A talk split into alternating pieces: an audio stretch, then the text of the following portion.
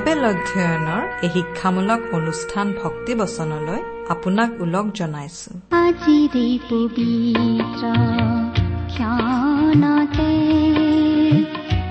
আমাৰ সৈতে আজিৰ এই অনুষ্ঠান শুনিবলৈ বহাৰ বাবে আপোনালৈ অশেষ ধন্যবাদ। আপোনাৰ দৰে শ্ৰোতাই আমাক সদায় প্ৰেৰণা যোগায়। এই অনুষ্ঠানটিৰ যোগেৰে আমি আপোনাক লগ পাই থাকিলে আমি বৰ উৎসাহ পাওঁ আমি মানুহ সঁচাকৈ ইজনে আনজনৰ সম্পৰ্কত থাকি বৰ ভাল পোৱা প্ৰাণী। ঈশ্বৰো আমাৰ লগত থাকি বৰ ভাল পায়। সেয়েহে যীশুখ্ৰীষ্টৰ ৰূপেৰে আহি আমাৰ লগত অৰ্থাৎ মানুহৰ লগত বসতি কৰিলে। তেওঁৰ আন এটা নাম ইমানুৱেল অৰ্থাৎ আমাৰ লগত ঈশ্বৰ মানুহৰ লগত ঈশ্বৰ। মানুহ যেন সদায় ঈশ্বৰৰ লগত আৰু ঈশ্বৰ যেন সদায় মানুহৰ লগত থাকিব পাৰে তাৰ বাবে যি বলিদানৰ কাৰ্যৰ প্ৰয়োজন আছিল তাকেই সিদ্ধ কৰিবলৈ প্ৰভু যীশু এই পৃথিৱীলৈ আহিছিল। ঈশ্বৰে মানুহৰ লগত থাকিব বিচাৰে। ভাবিলেই ভাল লাগে নহয়নে এই সময়ত ঈশ্বৰ আপোনাৰ মোৰ লগত আছে। আপুনি যাতে কেতিয়াও অকলশৰীয়া অনুভৱ নকৰে। ঈশ্বৰ আপোনাৰ লগত। ইয়াতকৈ ভাল সংগ পৃথিৱীত কি হ'ব পাৰে? এই লগৰীয়া ঈশ্বৰৰ বিষয়ে অধিককৈ জানিবলৈ আহক। আজিৰ ভক্তিবচন অনুষ্ঠান শুনো। আমাৰ মহান ত্ৰাণকৰ্তা প্ৰভু যীশুখ্ৰীষ্টৰ নামত নমস্কাৰ প্ৰিয় শ্ৰোতা। আশা কৰো আপুনি ভালে কুশলে আছে। প্ৰিয় শ্ৰোতা আপুনি বাৰু আমাৰ এই ভক্তিবচন অনুষ্ঠানটো নিয়মিতভাৱে শুনি আছেনে? এই অনুষ্ঠান সম্বন্ধে আপোনাৰ মতামত আদি জনাই আমালৈ চিঠি পত্ৰ লিখিছেনে বাৰু? অনুগ্ৰহ কৰি আজি এই দুখাৰিমান লিখি পঠিয়াবচোন। আহকচোন আজিৰ বাইবেল অধ্যয়ন আৰম্ভ কৰাৰ আগতে খন্তেক প্ৰাৰ্থনাত মূৰ দুৱাওঁ। আমি প্ৰাৰ্থনা কৰো। স্বৰ্গত থকা অসীম দয়ালু কৰুণাময় পিতা তোমাৰ তুলনা নাই। তোমাৰ প্ৰেম তোমাৰ কৰুণা তোমাৰ অনুগ্ৰহৰ কথা আমি বৰ্ণনা কৰি শেষ কৰিব নোৱাৰো। প্ৰভু যীশুৰ যোগেদি তুমি আমালৈ যি অনুগ্ৰহ দেখুৱালা তাৰ বাবে তোমাক অশেষ ধন্যবাদ পিতা। এতিয়া আমি তোমাৰ মহান বাক্য বাইবেল শাস্ত্ৰ অধ্যয়ন কৰিবলৈ আগবাঢ়িছো। তোমাৰ বাক্য তুমিয়েই আমাক বুজাই দিয়া। এই অনুষ্ঠানৰ আৰম্ভণিৰ পৰা শেষলৈকে তুমিয়েই আমাৰ চলাওঁতা হোৱা। অনুষ্ঠান শুনি থকা প্ৰতিজন শ্ৰোতাৰ জীৱনত তোমাৰ মহান অনুগ্ৰহৰ আশীৰ্বাদ প্ৰকাশ পাই উঠিবলৈ দিয়া। কিয়নো এই প্ৰাৰ্থনা আমাৰ মহান ত্ৰাণকৰ্তা প্ৰভু যীশুখ্ৰীষ্টৰ নামত আগবঢ়াইছো। আহমেন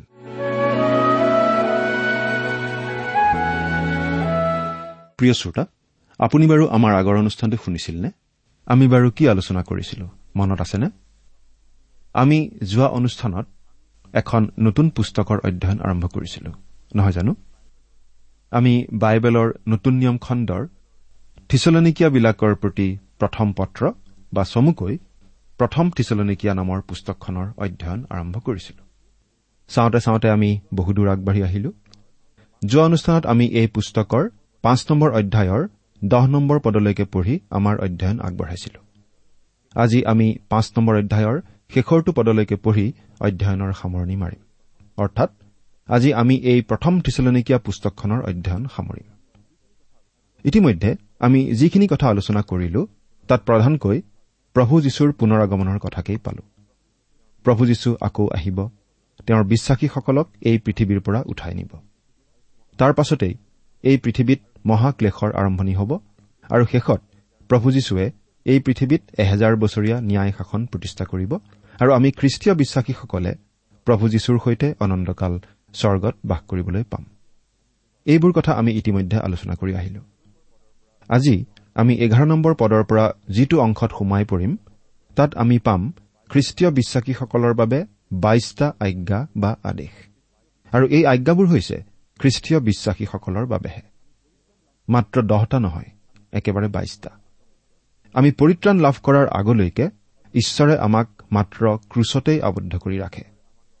অৰ্থাৎ তেতিয়ালৈকে ঈশ্বৰে আমাক মাত্ৰ এটা কথাই সোধে মোৰ পুত্ৰই তোমাৰ বাবে ক্ৰুচত প্ৰাণ দিলে। তেওঁৰ বিষয়ে তুমি কি সিদ্ধান্ত ল'বা? তেওঁক তুমি গ্ৰহণ কৰিবানে? যীচুক গ্ৰহণ কৰি পৰিত্ৰাণ লাভ কৰাৰ পাছত ঈশ্বৰে আমাক আমাৰ জীৱনৰ কথা কয়। খ্ৰীষ্টীয় বিশ্বাসীসকল দহ আজ্ঞাৰ অধীন নহয়। আচলতে দহ আজ্ঞাৰ ওপৰতহে। আচলতে খ্ৰীষ্টীয় বিশ্বাসীজনৰ জীৱন হ'ব লাগে অধিক উচ্চ মানদণ্ডৰ। সেই কথাটো আমি ইয়াত দেখিম।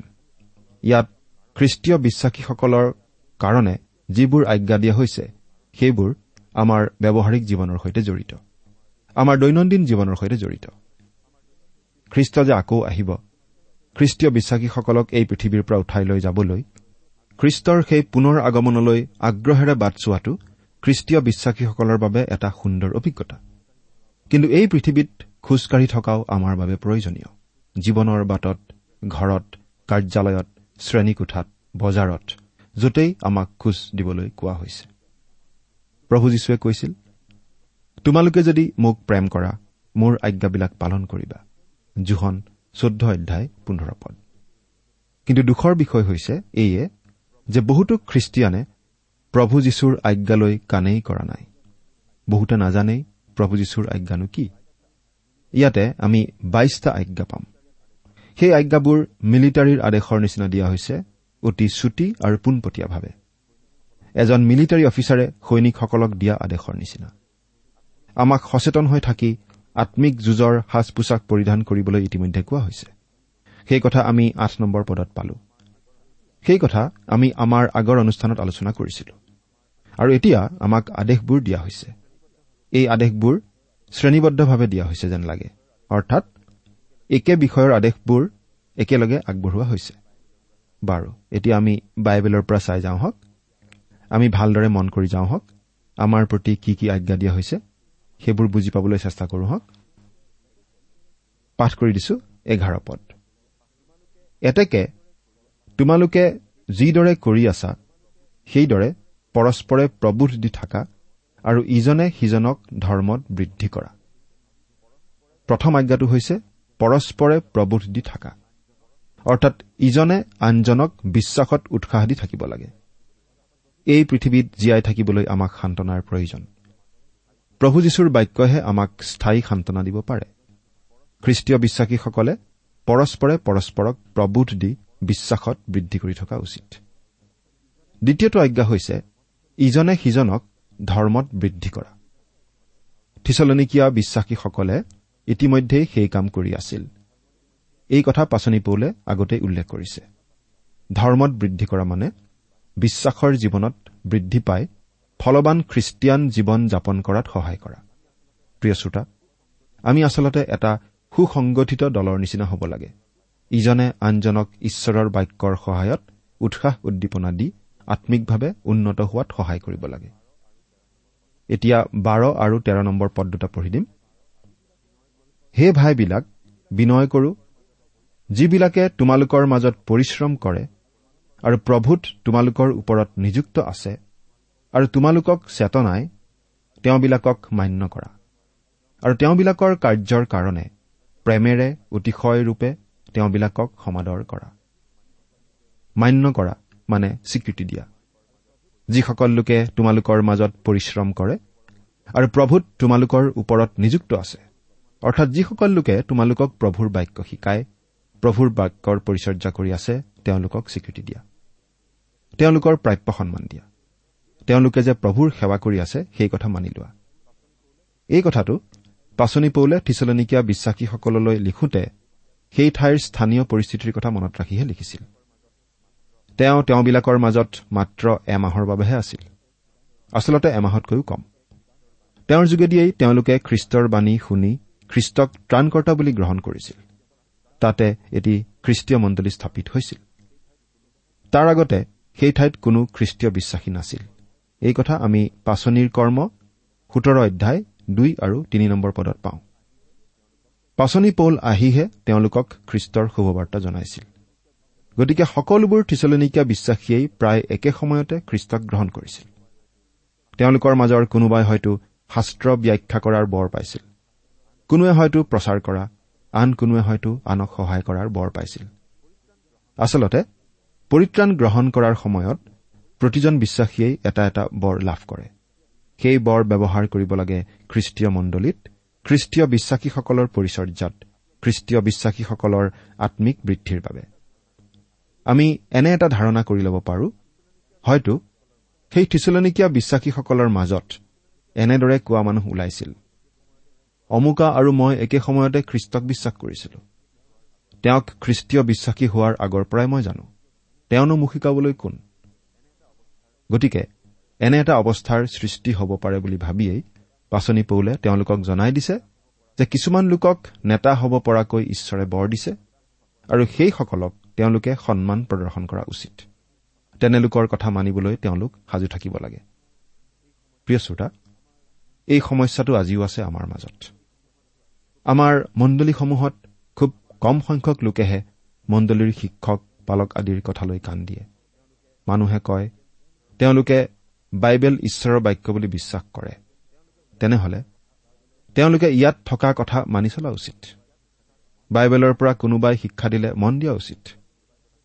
এজন মানুহে অলপ ৰসিকতা কৰিয়েই কৈছিল মই বাইবেলখন প্ৰথমৰ পৰা শেষ পৃষ্ঠালৈকে বিশ্বাস কৰো। কিন্তু এই পৃষ্ঠা দুটাৰ মাজতনো কি আছে নাজানো। প্ৰিয় শ্ৰোতা মানুহে যদি বাইবেলত কি আছে জানিলেহেঁতেন তেনেহলে তেওঁলোকে হয়তো বিশ্বাসো কৰিলেহেঁতেন। কিন্তু আমি তৎক্ষণাত কৈ দিওঁ বাইবেল বিশ্বাস কৰো বুলি অথচ ভিতৰত কি আছে প্ৰায়েই নাজানো।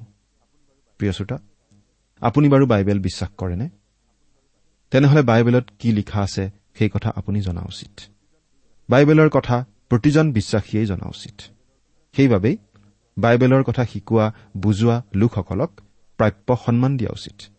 বাইবেলৰ কথা বিশ্বাসীসকলে ভালদৰে বুজি পোৱা উচিত বাবেই ঈশ্বৰে কিছুমান লোকক এই বিশেষ বৰ প্ৰদান কৰিছে। এতিয়া চতুৰ্থটো আজ্ঞা হৈছে তেওঁবিলাকৰ কাৰ্যৰ কাৰণে প্ৰেমেৰে অতিশয় ৰূপে তেওঁবিলাকক সমাদৰ কৰা। প্ৰিয় শ্ৰোতা আমি আমাৰ অভিজ্ঞতাৰ পৰা ক'ব পাৰো যে ঈশ্বৰৰ বাক্যক প্ৰেম কৰা লোকসকল সহজেই আমাৰ আপোন হৈ পৰে। আমাৰ এই ৰেডিঅ' অনুষ্ঠানৰ যোগেদি বহুতো লোকৰ সৈতে আমাৰ পৰিচয় হয় বন্ধুত্ব হয়। এই পৰিচয়ৰ মূলতেই হৈছে ঈশ্বৰৰ বাক্যৰ প্ৰতি প্ৰেম। আমি অতি অযোগ্য সাধাৰণ লোক হলেও বহুতো লোকে আমাক বিশেষভাৱে সমাদৰ দেখুৱায়। তাৰ এটাই কাৰণ আমি ঈশ্বৰৰ বাক্যৰ পৰিচৰ্যা কৰি আছো।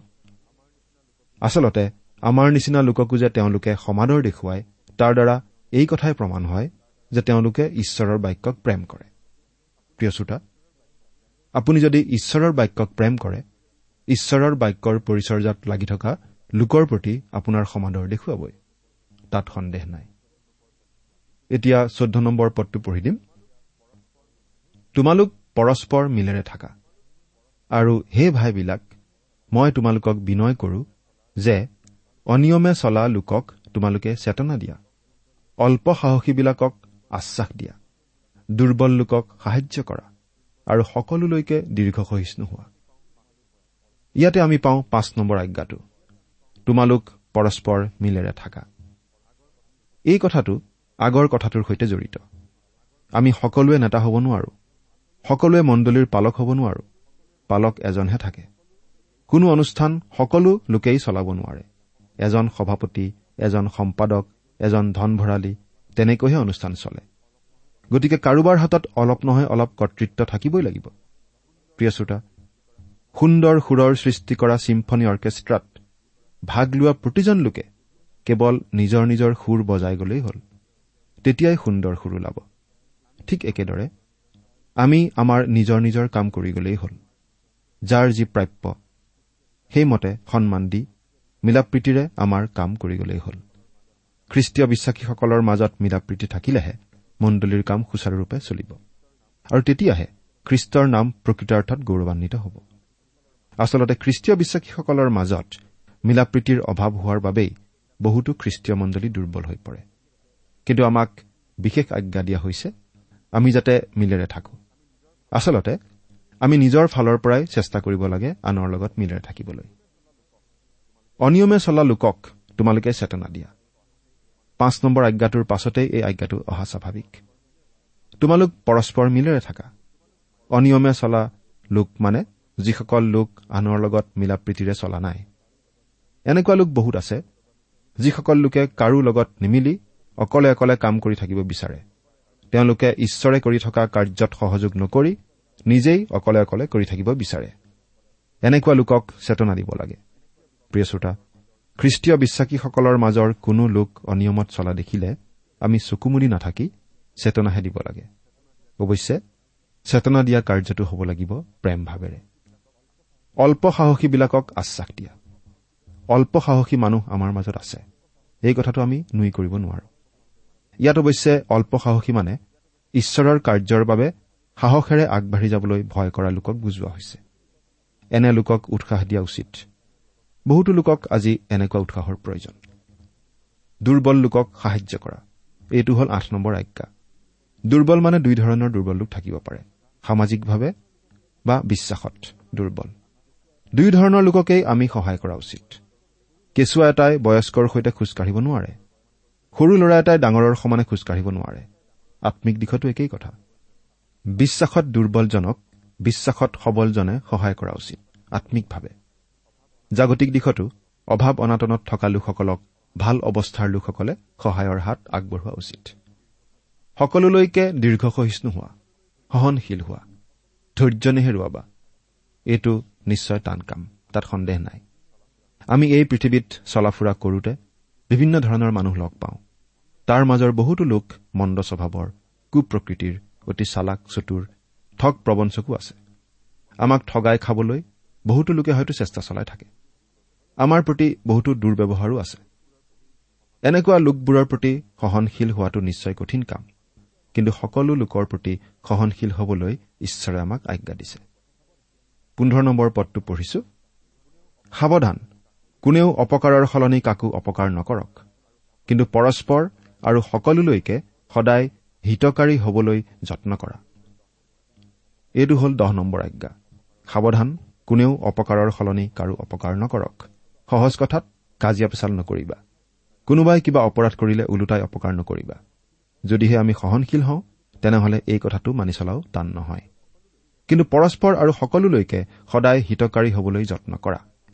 এই জগতত তিনিধৰণৰ জীৱন দৰ্শন আছে।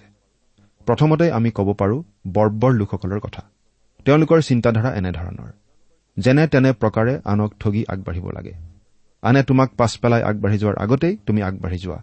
যিকোনো উপায়েৰে ঠগ প্ৰবঞ্চনাৰে। প্ৰিয় শ্ৰোতা এনেকুৱা চিন্তাধাৰা হৈছে বৰ্বৰ অনৈতিক লোকৰ চিন্তাধাৰা। তাৰ পাছত আমি উল্লেখ কৰিব পাৰোঁ তথাকথিত মাৰ্জিত শিক্ষিত সংস্কৃতিবান সভ্য সমাজৰ চিন্তাধাৰা।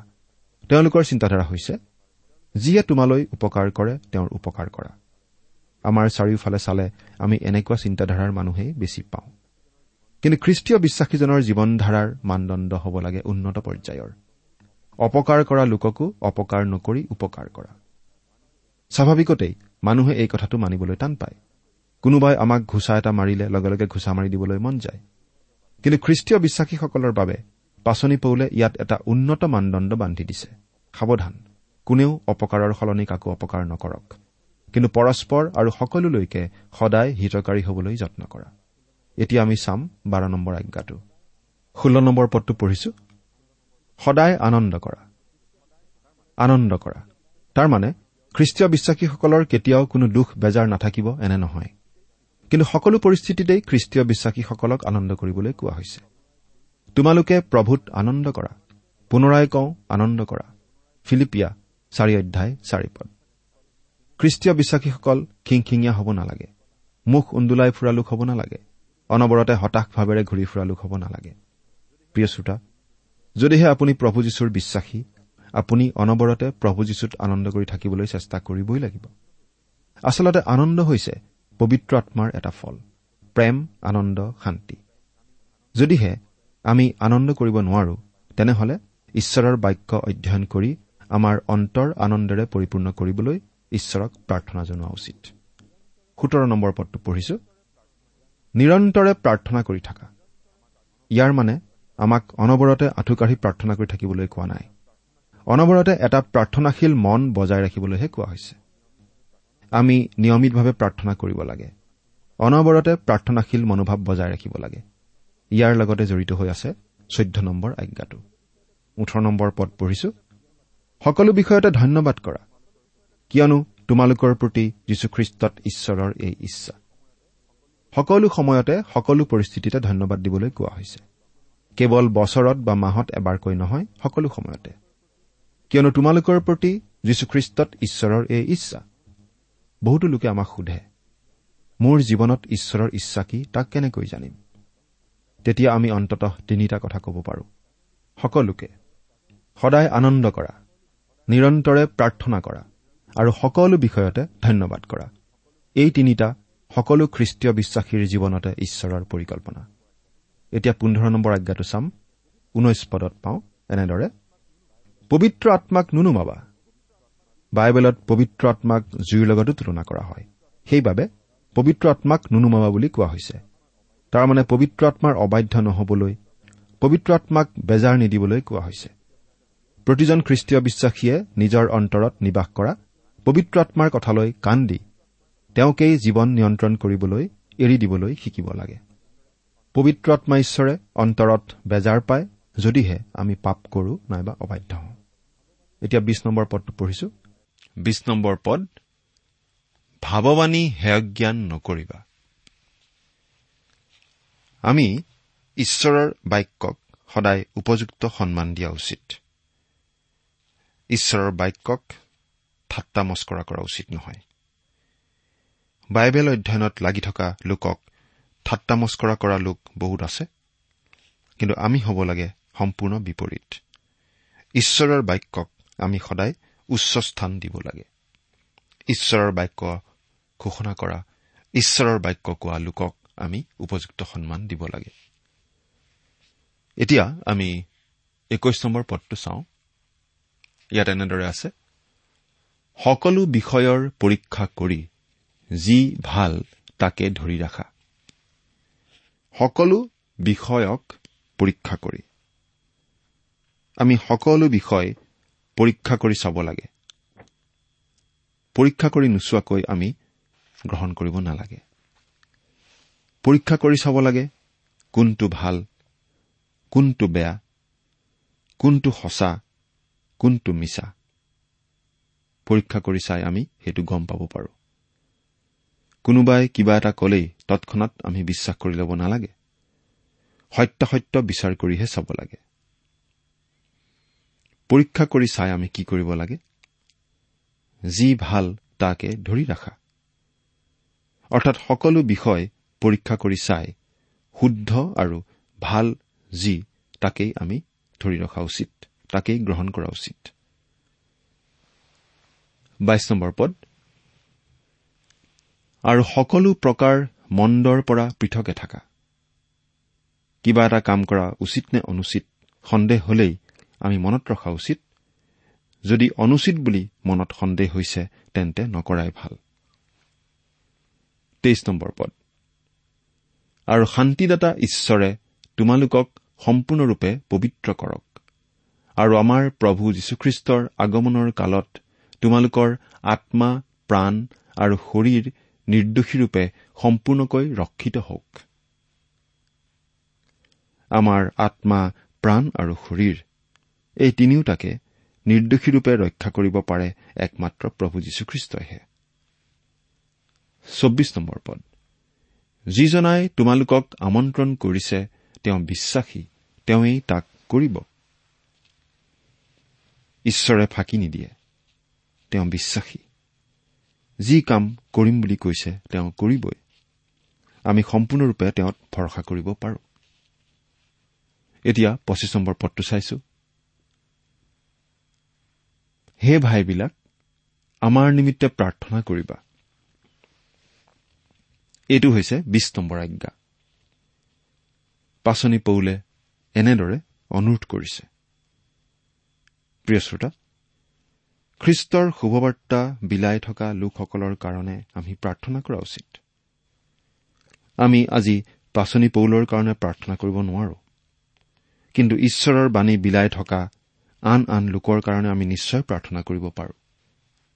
পাচনি পৌলে তেওঁ প্ৰাৰ্থনাৰ সহায় বিচাৰি আনক এনেদৰে অনুৰোধ কৰা আমি আগতেও পাইছো।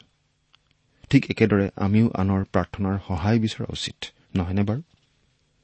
ছাব্বিছ নম্বৰ পদ। পবিত্ৰ চুমাৰে সকলো ভাইবিলাকক মংগলবাদ দিবা। আচলতে ইয়াত খ্ৰীষ্টীয় ভাই ভনীসকলৰ মাজত মিলা প্ৰীতি ৰক্ষা কৰাৰ ভাৱটোহে প্ৰকাশ কৰা হৈছে। পদ। মই তোমালোকক প্ৰভুৰ শপত দি এই আজ্ঞা দিছো যে এই পত্ৰ সকলো ভাইবিলাকৰ আগত পাঠ কৰা যাওক। আৰু এইটো হৈছে বাইশ নম্বৰ আজ্ঞা। এই আজ্ঞা আমি পালন কৰিলো। কাৰণ আপোনালোকৰ আগত গোটেইখন পুস্তক আমি পাঠ কৰিলো। পাচনি পৌলৰ এই পত্ৰখন আপোনালোককো শুনালো। পদ আমাৰ প্ৰভু যীশুখ্ৰীষ্টৰ অনুগ্ৰহ তোমালোকৰ লগত থাকক। প্ৰিয় শ্ৰোতা আমি আশা কৰো প্ৰভু যীশুৰ অনুগ্ৰহ আপোনালোকৰ লগত থাকক। প্ৰভু যীশুক গ্ৰহণ কৰি সেই অনুগ্ৰহ আপোনাৰ জীৱনত আপুনি গ্ৰহণ কৰিছেনে? ঈশ্বৰ আপোনাৰ সহায় হওক।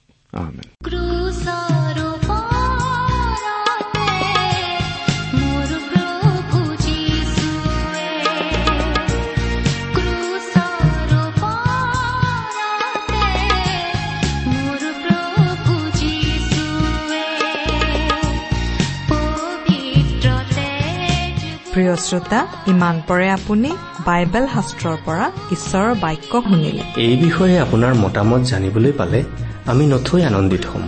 আমি প্ৰস্তুত কৰা বাইবেল অধ্যয়নৰ চিডিসমূহ পাব বিচাৰিলে আৰু অনুষ্ঠানত প্ৰচাৰ কৰা কোনো কথা বুজিব লগা থাকিলেও আমালৈ লিখক।